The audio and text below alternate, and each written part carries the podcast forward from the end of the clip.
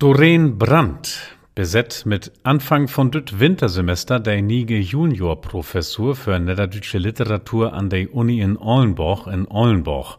39 Jahre alt ist sie, sie hat flietig forscht und publiziert tau Themen as Minnesang oder niederdeutsche Spreuk sammeln in 16. Jahrhundert und dat an der Unis in Rostock und Göttingen. So. Und nu schrift sie sich so dennig Ollenborg in der Biografie und wat interessant ist, Brandt schalter bedeiligt wen an de Utbillen von Schaulmeisters für Plattdütsch. Jawoll, Jussau as Schleswig-Holstein sich auch uns Noberland Niedersassen ob den Wechmogt mit Plattdütsch in de Schaul. Und dat heb wie all für meist ein Jortown-Beispiel in der Lingener Tagespost lesen konnt. Zitat die Neuauflage eines entsprechenden Erlasses fördert nicht nur die Einstellung von Lehrkräften mit entsprechender Zusatzqualifikation, sondern fordert auch Sprachbegegnungen, die Aufnahme regionaler und regionalsprachlicher Bezüge in den Unterricht, Plattdeutsch soll künftig als grundständiges, studierbares Unterrichtsfach ausgewiesen werden, sagte Wissenschaftsminister Björn Thümler, CDU, unserer Redaktion. Das Ministerium hat dafür 350.000 Euro jährlich zur Verfügung gestellt. An der Universität Oldenburg wurde dafür bereits ein erstes Grobkonzept erstellt.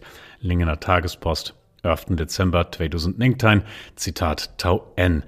Dat Grobkonzept kriegt Schienspileten Form, wie grolert Frau Brandt tau den nigen Job und sagt, wow, Plattdeutsch als grundständig Fach an der Uni und dat damit door Personal utbild ward, dat uns Sprog stärker wahren kann an der allgemeinen Schaulen in Bundesland. Disse berichten ut uns Noberland, de sind vielleicht mal wert, dat wir uns Kott besinnt und no denkt. Wow, Hevig secht. Man, worum Hevig dat secht? Wat is de Begründung dafür, mit wat für ein legitimat Schauen freut wie uns, dat de Kinder nu auch noch mit Ich go, du Geist, hey Guide quält ward und fördert auch noch, dat uns Schaulen noch viel mehr de Kinder sich plogen lot mit dem Muttersprog von Norddeutschland. Sprog ist der Heimatbund Podcast tau plattdeutsche Kultur in Schleswig-Holstein. Mein Name ist Jan Graf und Plattdeutsch in de Schaul, worum eigentlich, dat is düt mulde Fruch, der wir uns stellt. Moin.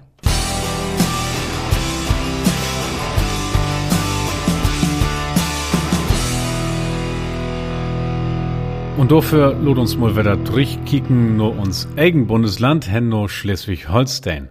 Plattdeutsch in de Schaul. Dat wär bet für por Jormol ein AG nehm de Kinder ein plattdütschen Sketch in euft heb oder de Dütsch Unterricht nehm se Raude Grütt von Hermann Claudius lest heb.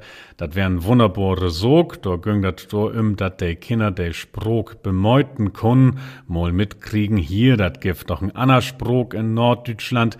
Man von woraftig Plattdütsch as zweite Sprog, so denn ich de facto as Fremdsprog nie schnacken lernen, dat wär doch kein Thema. Kein Wunder.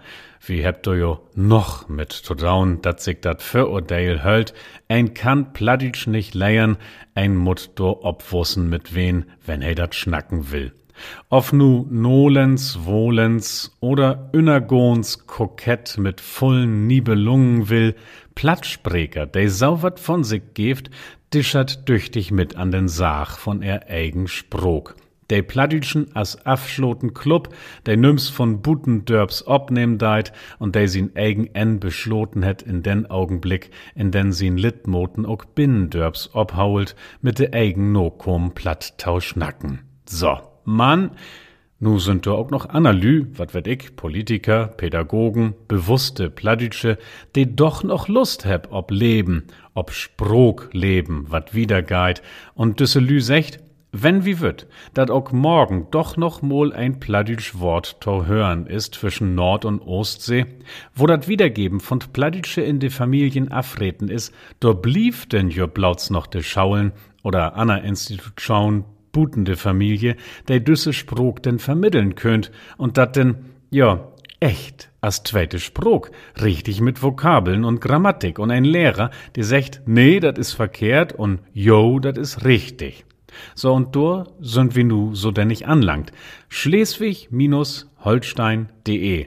Das ist der Internetseite von uns Landesregieren. Ob da findest du den Artikel Niederdeutsch lernen in der Schule und du lest wie Niederdeutsch ist ein wichtiges Kulturgut. Das Bildungsministerium hat ein besonderes Projekt auf den Weg gebracht, damit Schülerinnen und Schüler von Anfang an die Regionalsprache des Nordens lernen können.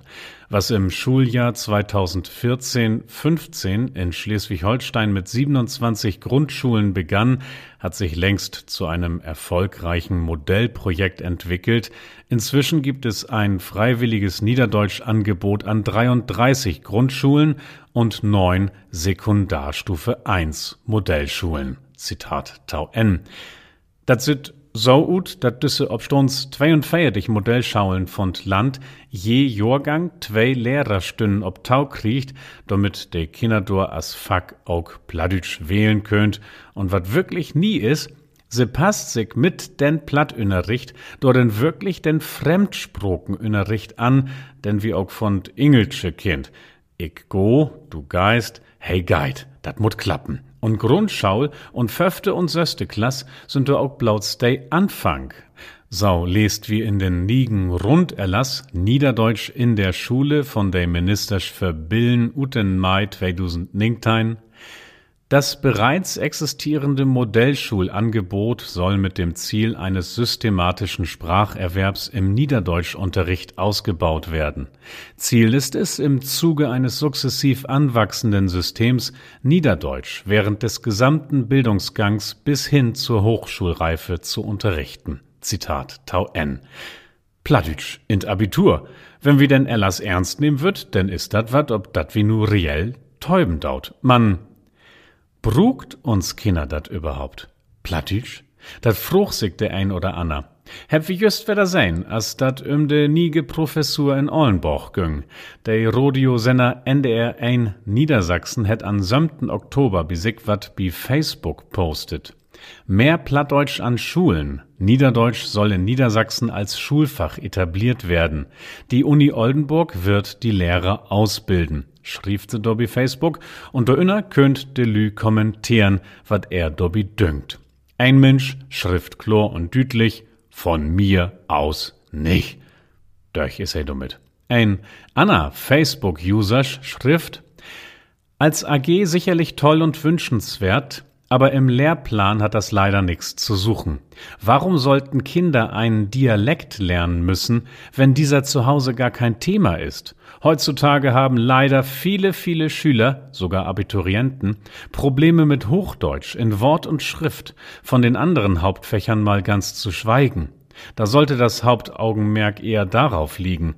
Plattdeutsch ist schön, aber nicht lebensnotwendig. Darum sollte es allenfalls ein Wahlfach sein. Zitat Tau N, lot uns nun mal nicht davon schnacken, dat wie Plattdeutsch nicht als Dialekt bekiek, man als eigen Sprog, und auch nicht davon, dat, so wie dick weit, in Niedersassen oder hier bei uns in Schleswig-Holstein auch nims förhet, Platt wirklich als Pflichtfach interführen, so da dat so denn ich just dat is oder wen wart, nämlich ein Wohlfach, de beiden Posts bei Facebook mogt doch chlor, wo kein sich stark mogt, für Platt in de Schaul, de mut begrünn, worum he dat deit. Wo liegt die Relevanz von uns Sprog? Wat legitimiert ern Platz in de Schaul, nehm se de Gesellschaft Geld und Tietkosten deit? Robert Langhanke ist Dozent an der Hauchschaul. An der Uni in Flensburg steigt er der Afdeilen für Niederdeutsche Sprog und Literatur und er Didaktik für. An der Uni in Kiel arbeitet er als Lehrbeobdrochten. An beide Städten ist er so denn ich in Gang und vermittelt Lehramtsstudenten wat über Plattdeutsch nicht als eigen Hauptfach. Man in Flensburg könnte ein Niederdeutsch-Zertifikat moken. In Kiel könnt Studenten ob Gymnasiallehramt Plattdeutsch as Taufak studieren. Wenn se dat bestot, ja, dann könnt se Lothar vielleicht an er Schaul Plattdeutsch unterrichten, so wie dat dor anboden waren schall. Worum vertell ich dat? Robert Langhanke het köttens ein Obsatz schreiben, den ich hier wie uns Thema von doch obleifst verlesen wür. Sprache Literatur und Regionalkultur zu angeblichen und tatsächlichen Lernzielen einer Kleinsprachdidaktik am niederdeutschen Beispiel. Ruth Kohm in dat Jorbauk von den Verein für niederdeutsche Sprachforschung 2019 und dort bütt Langhanke wirklich ein gaude Übersicht über de verschiedenen Weg, der wie gut, wenn wie versorgt, to begründen, worum an uns schaulen Pladütsch stattfinden schall. Heil begäng ist dat jo, dat wie meint uns Sprog, dat is ein Teil von uns Identität und sei Mut dor biwen, wenn wie de Scheuler regional-kulturelle Kompetenz mitgeben wird und überhaupt, wenn se wat über den Norden lernen schütt, dorin muss se auch erholen blieben. Dat is ein Monster von Begrünn, wat Langhanke heil kritisch süd. In Masse Erlasse, Billensplons und Programme in norddeutsche Bundesländer find sich Spuren von dat Motiv, ich mein, das schwingt auch glick in den ersten Satz mit von den Artikel ob Schleswig-Holstein.de, den ich zitiert hef. Niederdeutsch ist ein wichtiges Kulturgut. Man, richtig chlor stellt uns dat dat Landesheimatprogramm von Mecklenburg-Vorpommern zum Beispiel für Augen, dat ich hier mal no Langhanke zitieren mach. Das moderne Mecklenburg-Vorpommern ist ein Land, das Heimat bietet mit seinem hohen Himmel und der Weite des Meeres. Im Land, in das viele immer wieder nach Hause zurückkehren können, klingt es freundlich und breit norddeutsch und die reiche plattdeutsche Sprache mit Poesie und ihrem trotzigen Humor gehört zur Heimat dazu.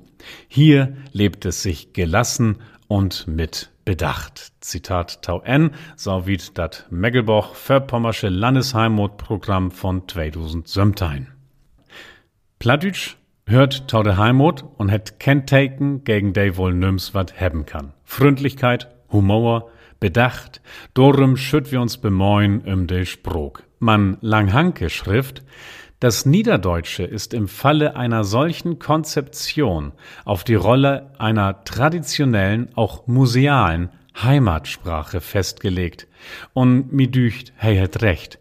Heimatfilm Idyll mit Haugen Heben und wie de sei langt nicht als Argument, mit de ich de fru übertüch, de sich bi Facebook frucht, auf wie nicht wichtiger Soken in de Schaul tau behandeln heb, als ein Sprog, de sübst in de Familien meist kein Rull mehr spielt. Blaus mollen Lütt, Beispiel uten andere Beit.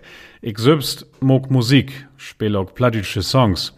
Köttens käm nur ein Konzert ein jungen Tauhörer an, jungen Mann in de Twintiger, und seh, dat he dat scheun von mit dat Plattdütsche und dat dat erhaulen blieben mut. Ich hef ihm frucht, worum he meint, dat dat erhaulen blieben mut, und da käm denn jo dat Argument, dat dat doch so scheun wär, und jo, no Norddeutschland hören de. Dat ein is ein ästhetischen Betoch, platt is scheun, dat anna is ein regiokulturellen Betoch, platt hört no Norddeutschland. Beide Hahn gefeulen weckt wie den jungen Mann. Man schien's hebt den noch nicht langt, wie beiden hebt feinstet Hauchdütsch miteinander schnackt. Und nu nochmol, wie könnt du an Twiefeln, dat sich de Obwand an Tiet und Geld, denn wie drieft für platt in de Schaul, in de Sellshop, mit Gefeulen rechtfadigen let. De Gefeulen, de Regionalspruch in uns weckt. Da könnt auch ander Varietäten ein Leid von singen, der wie as Dialekte bekiekt, lod uns mol no Süddeutschland kicken, blauts im dat hier tau illustrieren. Dat giften Scheune steh in dat Bauk Heimatspeech von Klaus Gasseleder. Gasseleder ist fränkischen Mundortautor und sie in 2008 in den Wildleser Verlag in Erlangen, Rutkom Bauk, handelt davon, dass er man gar kein Lust mehr hätt, ob Dialektliteratur schrieben.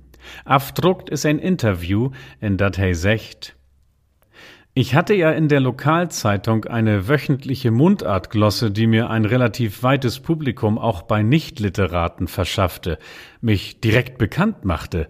Selbst heute, zehn Jahre danach, sprechen mich noch immer wieder Leute darauf an, die ich persönlich überhaupt nicht kenne. Aber dieser Erfolg war eher einer der Gründe zu gehen und bald danach mit der Dialektliteratur aufzuhören secht Gasseleder und ob de no fruch von den Interviewer, wo ans he dat verstohn schall, lecht he bi. Ja, weil er auf einem Missverständnis beruhte, und ich werde nicht gerne missverstanden. Viele Leute schätzten nicht das, was ich schrieb, setzten sich nicht damit auseinander, sondern sie schätzten, dass ich überhaupt in Mundart schrieb. Es kam niemand, der sagte, ich hätte da oder da Mist geschrieben, sondern man klopfte mir auf die Schulter und sagte, schön, dass noch jemand Mundart hochhält und pflegt. Zitat Tau N. Mollen Lütten Inschlach ut Süddeutschland, der mi dull erinnert an de Ort und Wies, wo ans auch bei uns in Norden uns Sprog wornom ward, ja, wo ans wie sübst, der wie uns in Job und Ehrenamt für Pladitsch insetten daut, wo ans wie de Sprog mit inner Verkäupen daut. Eindaunt, wat für dumm Tüch wie vertellt, Hauptsog wie vertellt dat ob Pladitsch, denn wart dor Kultur ut. Und wenn ich dat ute Kultur nu wedder überdreh, ob unsere Beit schaul, denn lannig bi dat Meckelberger Heimatprogramm mit den trotzigen Humor, denn de Pladitsche Sprog dricht und de so typisch is für de Heimat put egol, wat wirklich, ich mein nu wirklich, wirklich, ob platt vertellt wat, so wie denn Tau hört. Platt nicht als Sprog, platt als Dale von Corporate Design von ein norddeutsche Postkordenheimot, ein Heimot fehlt scheun, fehlt kommaudig, als können wir uns damit abfinden, dat er dat sau nicht gift und auch nie nicht gäf. Deit mir leid, als Papa langt mi dat nicht, min Kind an de Schaul Plattitsch wählen tauloten, damit dat Statist ward in ein Bühnenbild, wat nicht stimmt. Als Papa ja, was will ich eigentlich als Papa? Also ich will eigentlich mehr, da dat Kind wat leiert, wo dat wirklich wat von hätt. Und nu? Nu blifft uns dat Argument von de Meiersprokigkeit, dat Argument, dat meiersprokig obwassen uns Kinder fit mogt für dat Lernen von noch aner Fremdsproken, fit so denn ich für ein graute Welt, in der sau und sau viele Sproken klingt, dat Argument, dat Plattdeutsch uns Welt grötter mogt und en zweiten Schritt, denn aber bitte nüchtern und ohn Ideologie uns vielleicht wat Torweten gift über uns eigen Region. Sprachliche versus regionalkulturelle Lernziele hält ein Kapitel in den Obsatz von Robert Langhanke, denn wie Boben als zitiert heb, platt as Sprogbegreben oder as Heimatmodul und den Absatz mache ich noch mal ein Stück vorlesen. Die in zahlreichen Erlassen, lehrplanähnlichen Papieren und Positionen zum Niederdeutschunterricht betonten, aber sehr undeutlichen Bezüge auf Regionalkultur und eine daraus resultierende regionalkulturelle Kompetenz oder auch die plakativere Position des Niederdeutschen als Heimatsprache ohne diese Zuschreibung näher zu reflektieren und zu erläutern, sind im Sinne des reinen Spracherwerbs zurückzustellen. Wenn es darum gehen soll, das Niederdeutsche im Sinne einer Mehrsprachigkeitsdidaktik als Sprache einer modernen Lebenswelt als Alternative anzubieten, kann es nicht vornehmlich über traditionelle Zuschreibungen und als das Zeugnis einer zurückgehenden regionalen Lebenswelt im Unterricht vermittelt und verstanden werden werden. Die entsprechenden Bezüge wären in einer Aufbauphase des schulischen Niederdeutschunterrichts kritisch zu vermitteln. Zunächst steht der gesteuerte Sprech- und schriftsprachliche Erwerb des Niederdeutschen mit dem Ziel eigenständiger, ausbaubarer und im Sprachalltag anknüpfungsfähiger Kommunikationskompetenz im Vordergrund, um die norddeutsche Mehrsprachigkeit für alle Sprachlernerinnen und Sprachlerner zu erhalten. Zitat Tau N. Und wo kein den Wetenschopsmann Robert Langhanke nu für einen dreugen Knurken hölt, der plattitsch blaus als linguistisch Tekensystem Süd und durch jeden droht nur der eigen Region kappen will, jedet Min Muttersprog, wo klingst du scheun, wo bist du mi vertrut, Sentiment abstellen will, der schall noch mal den Satz lesen, wenn es darum gehen soll, das Niederdeutsche im Sinne einer Mehrsprachigkeitsdidaktik als Sprache einer modernen Lebenswelt als Alternative anzubieten, kann es nicht vornehmlich über traditionelle Zuschreibungen und als das Zeugnis einer zurückgehenden regionalen Lebenswelt im Unterricht vermittelt und verstanden werden. Da ist mit dat Wort nicht vornehmlich jo udrückt, da dat beiten, jo vielleicht Likas passieren dörf, beiten Grünkohl, beiten Diekschob, beiten Woterkant, n beiten man nicht in der Hauptsog. Heimot is unscharp, schwortau griepen, as n Ohl. Sprog dagegen is scharp. Ich go, du Geist, hey Geid. Der Sprog an sich schall fernstohn, ein ernst und nüchtern Handwerk. Lot datte Kinder lernen, lot er meiersprogig waren, lot er Englisch lernen, Sponge, Latin, ja und cool. Wie heb hier nehm wie wohnt auch Eigensproken, Plattdeutsch, Freisch, lot er nieschierig waren, lot er schlau waren mit de Sproken, lot er dat Sproken lernen, an sich lernen, worum nicht auch ant Beispiel von Plattdeutsche. Sie hört Sprog. Das ist der Heimatbund Podcast tau plattische Kultur in Schleswig-Holstein. Der Uni in Ollenbach in Niedersassen hat Köttens ein Juniorprofessur für niege plattische Literatur mit Doreen Brandt besetzt. Fru Brandt war do nu bedeligt wen an de Utbillen von Lehramtsstudenten, de Lothar an de Schaulen in Niedersassen Kinder Plattdeutsch leiern schütt. In Schleswig-Holstein ist das Thema Platt in de Schaulen jo aal sieten reich joan professioneller obstellt, an sau nömte plattdeutsche Modellschaulen könnt Kinder bi uns in Wohlfäcker de Sprog no föbbelt von aug Anna Fremdsproken leiern und all dat het uns düttmol taude froch bröcht, woans begründ wie eigentlich düssen neudigen Insatz von Geld und Tiet für Plattdeutsch in de Schaul. Wat is de Winst für uns als Sellshop? Fast stellt heb wie, da dat Argument Plattdeutsch is ein Dale von uns Heimat und de schall blieben, asse is, nicht just sexy is, und dat ein vielleicht lieber ob Henwiesen schall, wo gaut Meiersprogigkeit uns Kinder deit. Dat is so'n betende Streit zwischen Gefeul und Verstand. Und wie heb hier denn Verstand nur Fernloten, von wegen dat wie meint, dat Öllern, die allblaus dat Beste für er Kinder wird, einfach ob düsse zweckhafte, globalisierte Welt kiek und sich frucht, wat brugt min Kind dor? Und dor untert wie, din Kind mut in düsse Welt mit Verscheidensproken umgehen und lotert dat doch auch glick hier Tauhus mit Plattdeutschleiern, mit de Meiersprokigkeit, der dat hier gift.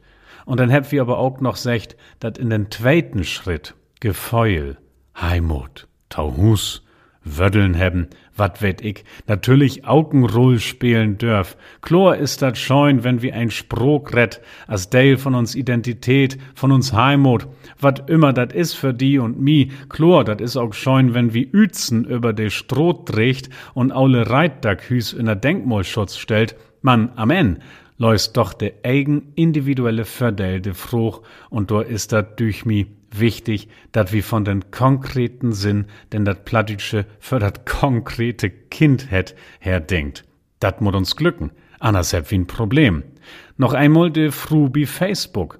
Plattdeutsch ist schön, aber nicht lebensnotwendig. Dat ist der Satz. Ob denn, können wir nur erstmal scheun beten rüm denken. Plattdeutsch in der Schaul, worum eigentlich? Uns Thema Dütmol bis Brog, Minom is Jan Graf, schau mi verlang, wat ju so dünkt bi dat Thema. Schrief mi dat gern an j.graf at heimatbund.de. Herzlichen Dank fürs Tauhören.